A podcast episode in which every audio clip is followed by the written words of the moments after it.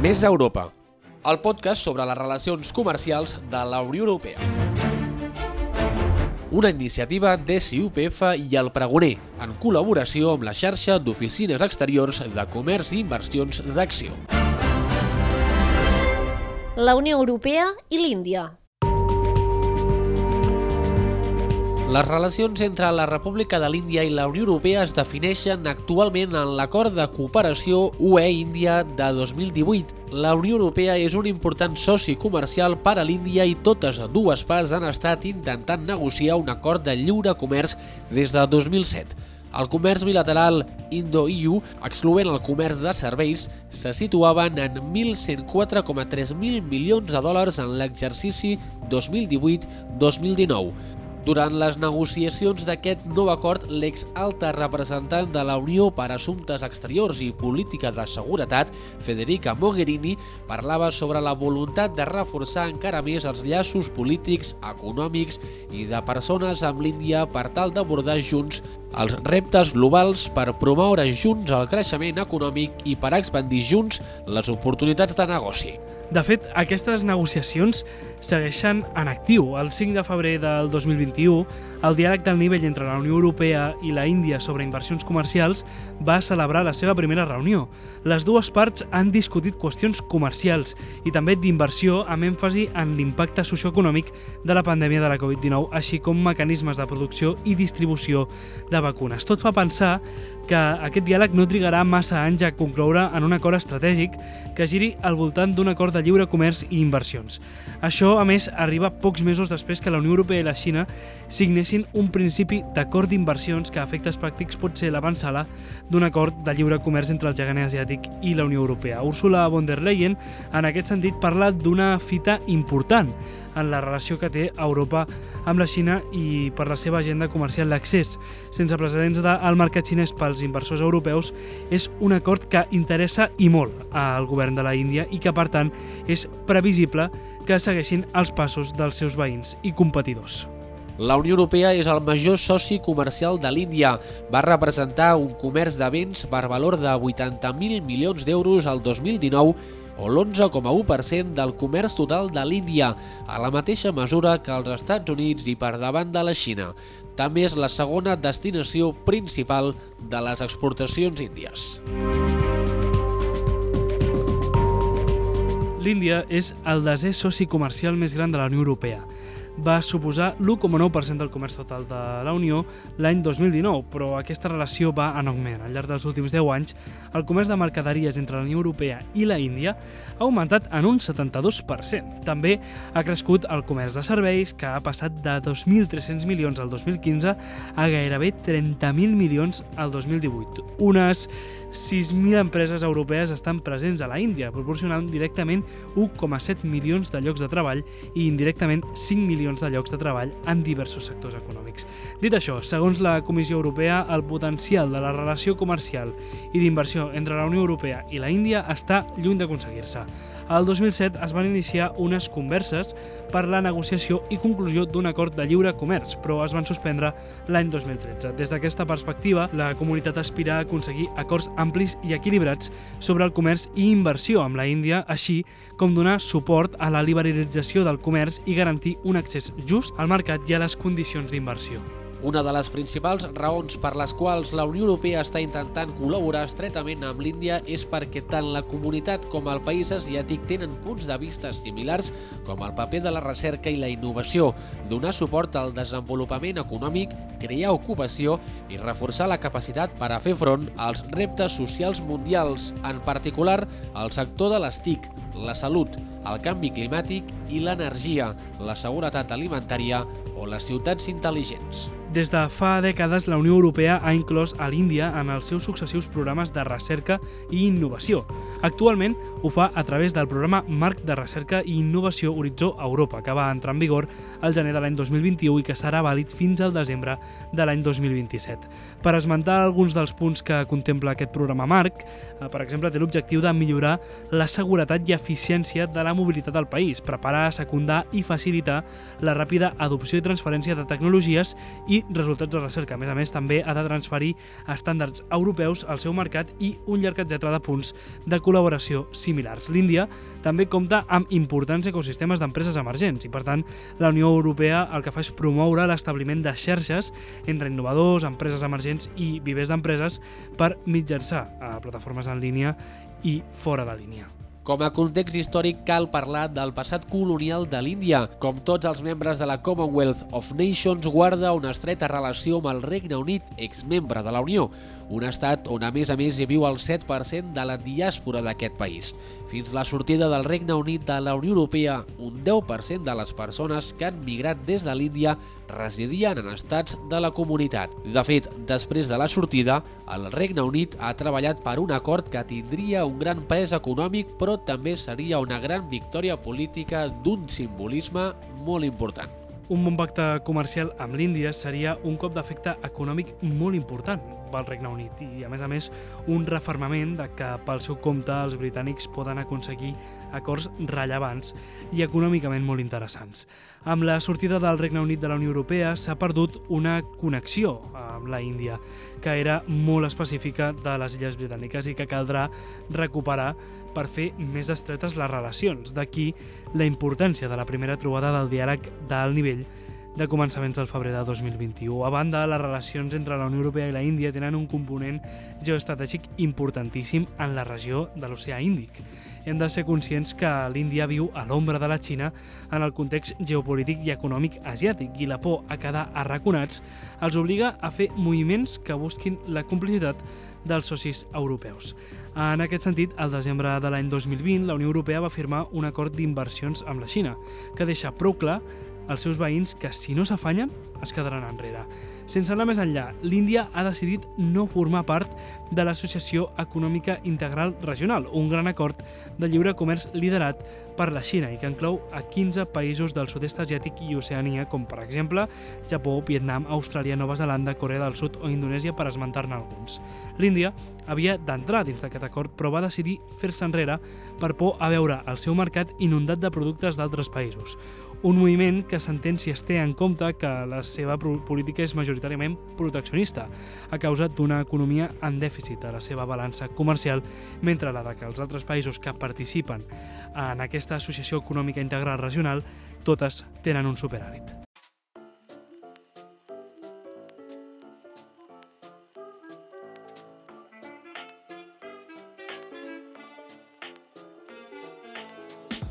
Suprio Bosse és el director de l'Oficina Exterior de Comerç i Inversions de Catalunya a Bombay. És expert en comerç internacional i té una consolidada experiència ajudant empreses de tot el món a treballar amb l'Índia, trobant-li clients, partners i aliances. Aquesta oficina exterior de Catalunya a l'Índia es va obrir el 1922 a Nova Delhi i l'any 2010 es va traslladar a Bombay. Des d'allà es dona impuls a empreses de tots els sectors, però l'àmbit dels sistemes industrials, la salut i la química i l'energia i tenen un protagonisme especial.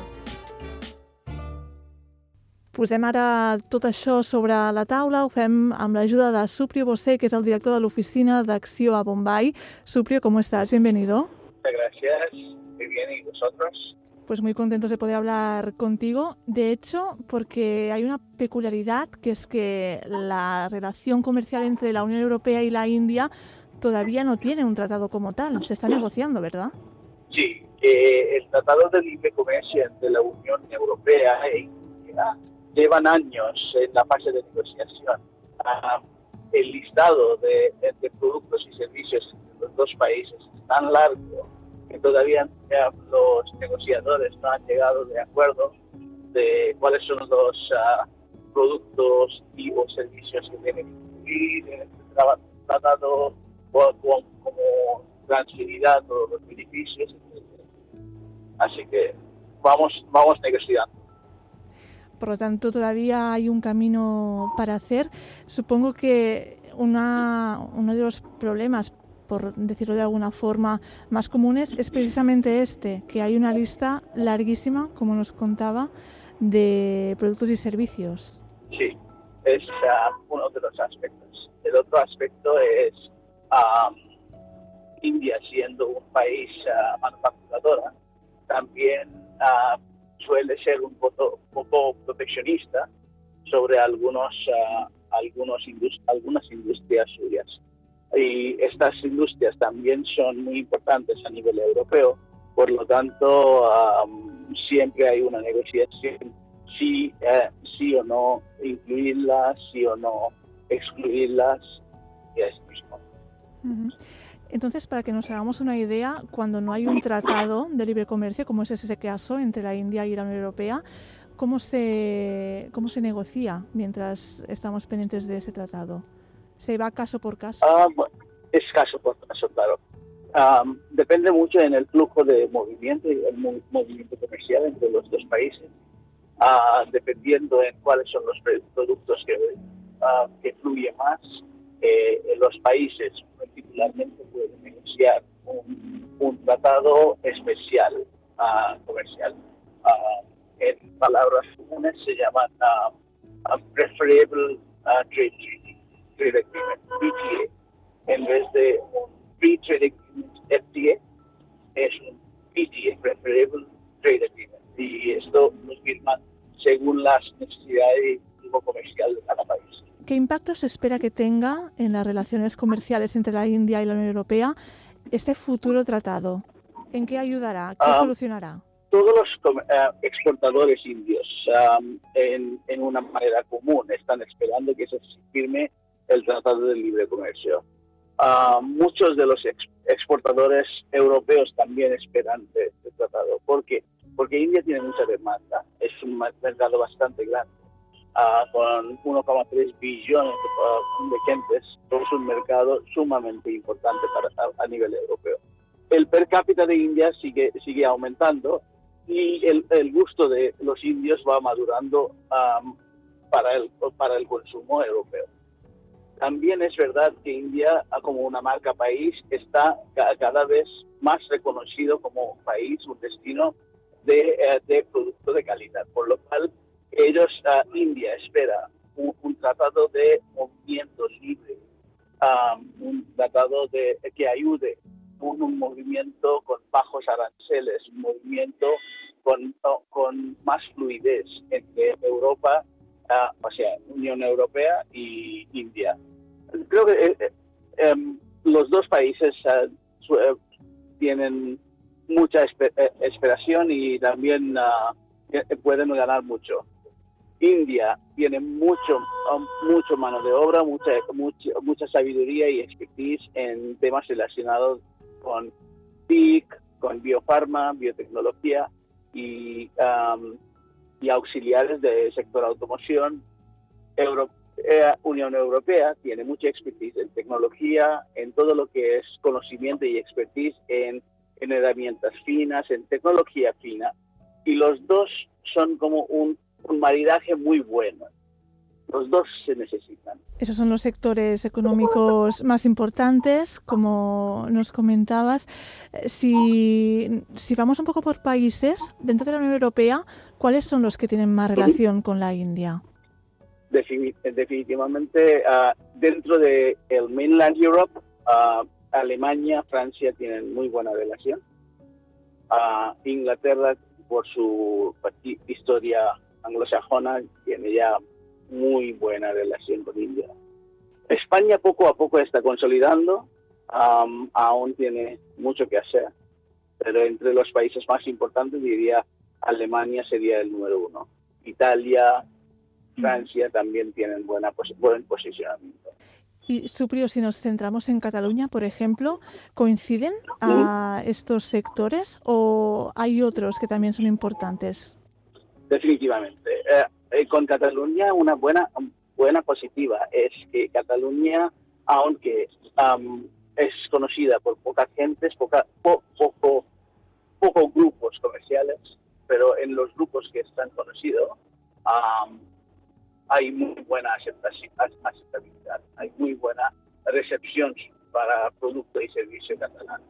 Um, en sectores como biotecnología uh, somos muy fuertes. Uh, cuando digo somos, um, hablo de uh, la oferta catalana. en todo lo que es automoción y to todo lo que es automoción sostenible, um, vehículos eléctricos, um, estamos, somos, tenemos mucha oferta, mucha expertise que aportar a India.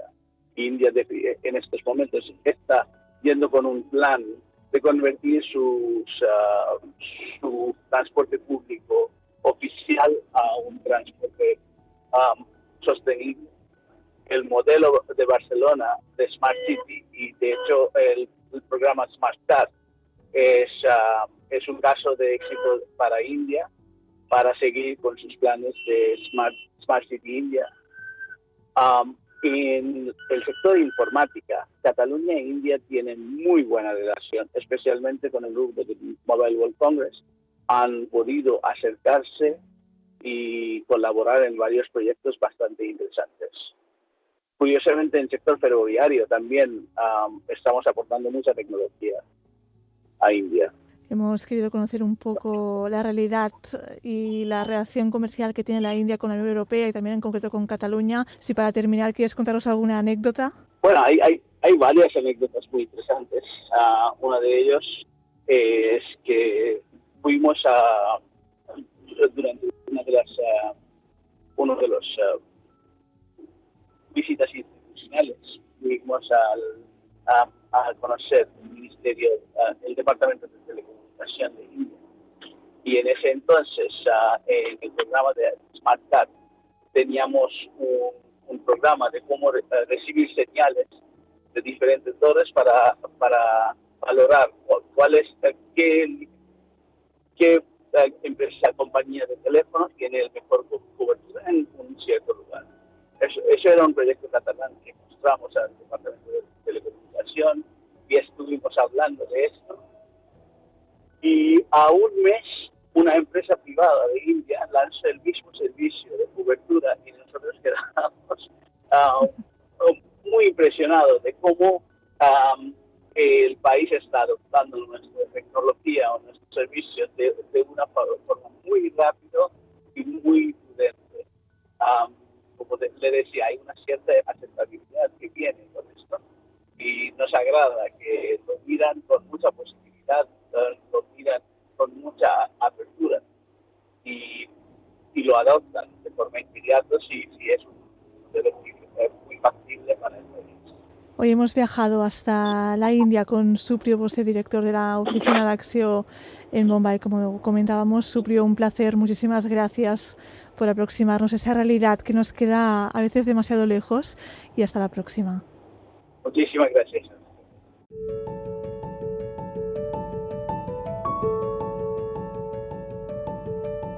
Per veure com aquests acords comercials es posen a la pràctica, avui tenim amb nosaltres el Joan Cardona, que és director tècnic de l'AUB Enginyers, una empresa del sector de l'enginyeria vibroacústica que està ubicada a Sant Cugat del Vallès i que exporta precisament tots els seus coneixements a l'Índia. Joan, benvingut. Hola, bona tarda. Gràcies. Joan, eh, primera pregunta, per posar-nos una mica en context, explica'ns qui sou i a què us dediqueu. Sí, bueno, nosaltres som una, una empresa de consultoria que treballem en l'àmbit de l'acústica i les vibracions, com has dit bé eh, anteriorment. Mm -hmm. Um, L'empresa la vam fundar quatre socis a finals de 2008, uh, una de les millors èpoques per crear empreses, m'imagino. Uh, L'empresa neix com a, com a empresa spin-off de l'UPC, és a dir, uh, l'empresa la vam crear uh, uns socis de l'UPC, entre, els, entre ells jo mateix, que treballava allà, i un soci industrial uh, d'una empresa que es diu Vipcon, que es dedica a dissenyar i fabricar i, i, i comercialitzar uh, productes relacionats amb, amb productes solucions per la uh, reducció de, de les, del soroll i les vibracions. Val? Per tant, l'empresa la vam crear com a, com a mix entre la part més industrial i la part més investigadora. Val? Per tant, vam tenir l'oportunitat de, de poder juntar uh, uh, el millor d'aquests dos mons i, i crear una empresa amb una base tecnològica potent. Val?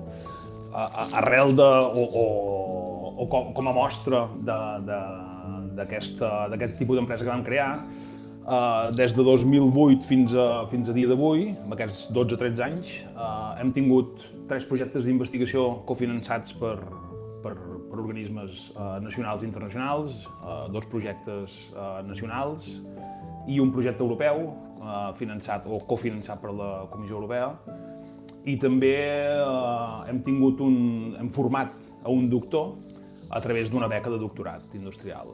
Per tant, eh, som una consultoria amb, amb, amb un fort caràcter eh, investigador eh, perquè el que volem fer és diferenciar-nos de la resta. Ah, per tant, això amb seu a Sant Cugat, però molt més oberts a expandir coneixements de, de forma internacional, eh?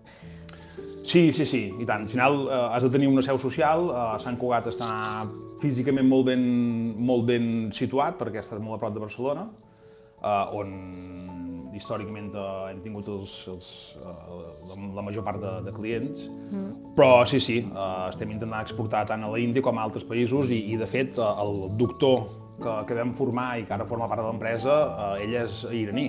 Per tant, ah. eh, dins la pròpia empresa ja tenim aquesta part de, internacional. No? Val. Comentaves ara que exporteu a la Índia. Um, entrem en matèria. Per què us vau decidir establir aquest contacte amb aquest país? A veure, això va sortir arrel de Rail Group. Nosaltres eh, formem part del clúster Rail Group, clúster ferroviari espanyol, amb seu a Barcelona. I Rail Group, juntament amb Acció, eh, feia, va, va fer un, una, una jornada informativa sobre eh, oportunitats de negoci, entre altres llocs, a la Índia. I nosaltres hi vam assistir, vam veure que, que hi havia moltes oportunitats, vam veure que, que era un país eh, amb, amb moltíssim de potencial. Eh, hem de recordar que la Índia eh, és una, una excolònia britànica. Eh, els britànics en aquella època es caracteritzaven molt per, per ser molt potents amb el tema ferroviari.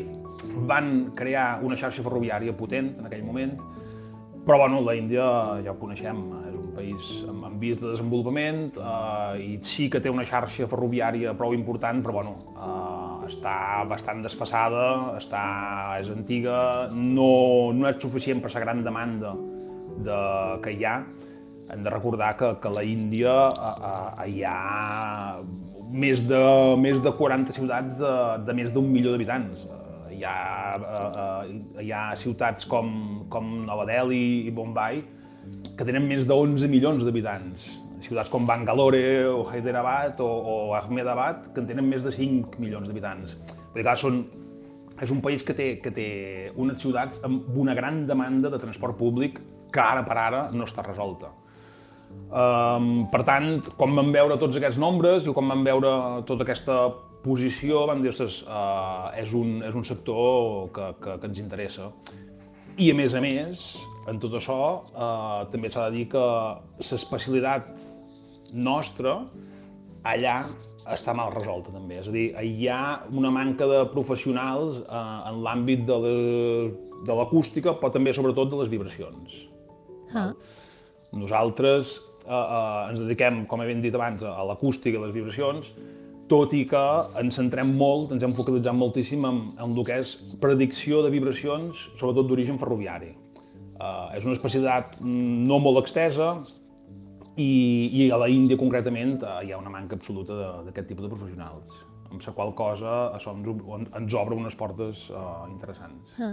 Quins projectes hi esteu fent ara mateix a la Índia? Mira, ara mateix ens acaben de, la setmana passada, ens acaben d'adjudicar uh, l'estudi de vibracions dels corredors 345, és a dir, de, de, de les línies 345 del mètode Chennai. Mètode Chennai eh, hi, ha, hi ha un, una, una línia, bueno, hi ha dues línies, la 1 i la 2, i, i aquest, aquestes dues línies, o aquestes tres línies que, que ens han adjudicat, sumen un total de 119 quilòmetres. déu nhi I a l'hora d'establir aquesta relació comercial, um, quins avantatges creus que us ha portat l'acord que té aquest país amb la Unió Europea? Bé, si, si no vaig errat, eh, aquest acord és de 2009, per tant, nosaltres a la Índia vam començar a anar-hi el 2015, arrel de, de lo que comentava abans, no? d'aquesta sí. primera prospecció que vam fer a través de Rail Group i Acció. El 2015 vam aprofitar una fira, uh, la IRE, la International Railway Equipment Exhibition, que es fa cada dos anys a la Índia, és, un, és una fira de les més importants del sud d'Àsia, Vam aprofitar per anar-hi, juntament eh, amb quatre empreses catalanes més, eh, tot això auspiciat per, per Acció i per, per Rail Group. Val? Allà vam fer els nostres primers contactes eh, i el 2017 vam aconseguir el primer projecte, amb la qual cosa mm, aquest acord de la Unió Europea amb la Índia nosaltres ja ens l'hem trobat fet, per tant no hem tingut cap tipus de problema i tampoc coneixem l'anterior, no? Ah. La qual cosa tampoc tampoc puc, dir, puc donar una opinió formada sí. de què és el que millora respecte al que hi havia. Ah. Per tant, ho heu trobat fàcil vosaltres a l'hora de, ostres, vull crear una empresa allà, vull tenir un projecte allà a la Índia, en un altre país, amb unes altres lleis. Uh, és fàcil? Uh, a veure, aquí hi ha un, un matís. És a dir, fàcil no és, uh, perquè, bueno, al final és, és, una, és una cultura molt diferent, uh, una cultura de, de, empresarial també molt diferent a la nostra, per tant, això vol dir que, que t'has d'adaptar. Uh, el que passa que nosaltres, uh, l'aproximació que hem fet a la Índia i, i la que estem fent a altres països del món, no és muntar una empresa pròpia allà, sinó que és treballar amb partners locals d'allà. És a dir, busquem partners que ells puguin desenvolupar una part del projecte i nosaltres puguem desenvolupar l'altra part del projecte a on ells no arriben.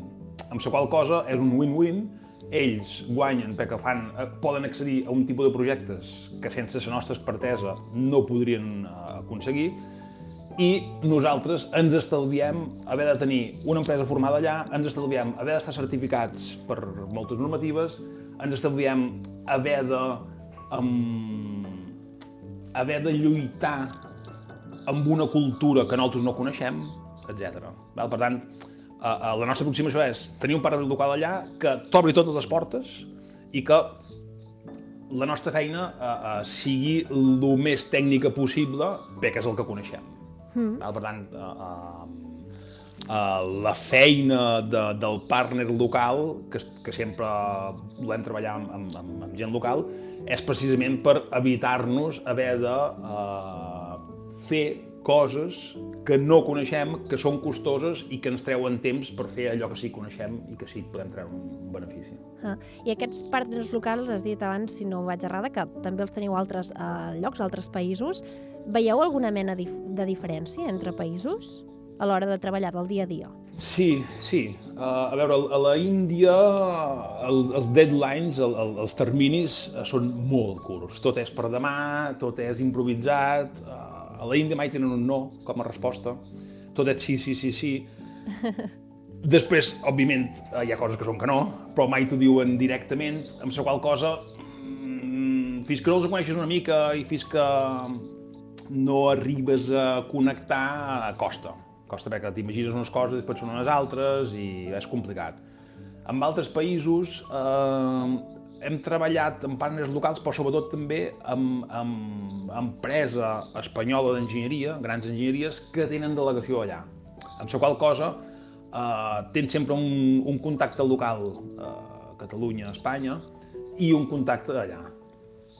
Els ser enginyeries grans, multinacionals, que tenen diferents delegacions, la cultura és diferent. Doncs Joan, eh, moltes gràcies per explicar-nos eh, el vostre dia a dia, com, com heu eh, creat eh, aquestes oportunitats fora de Catalunya i, i això, portar el vostre granet de sorra. Moltes gràcies.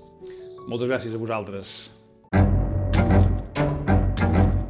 I fins aquí aquest espai dedicat a les relacions comercials entre la Unió Europea i l'Índia. Si vols saber quin és l'estat de més acords entre el bloc comunitari i altres parts del món, no dubtis a escoltar els altres capítols.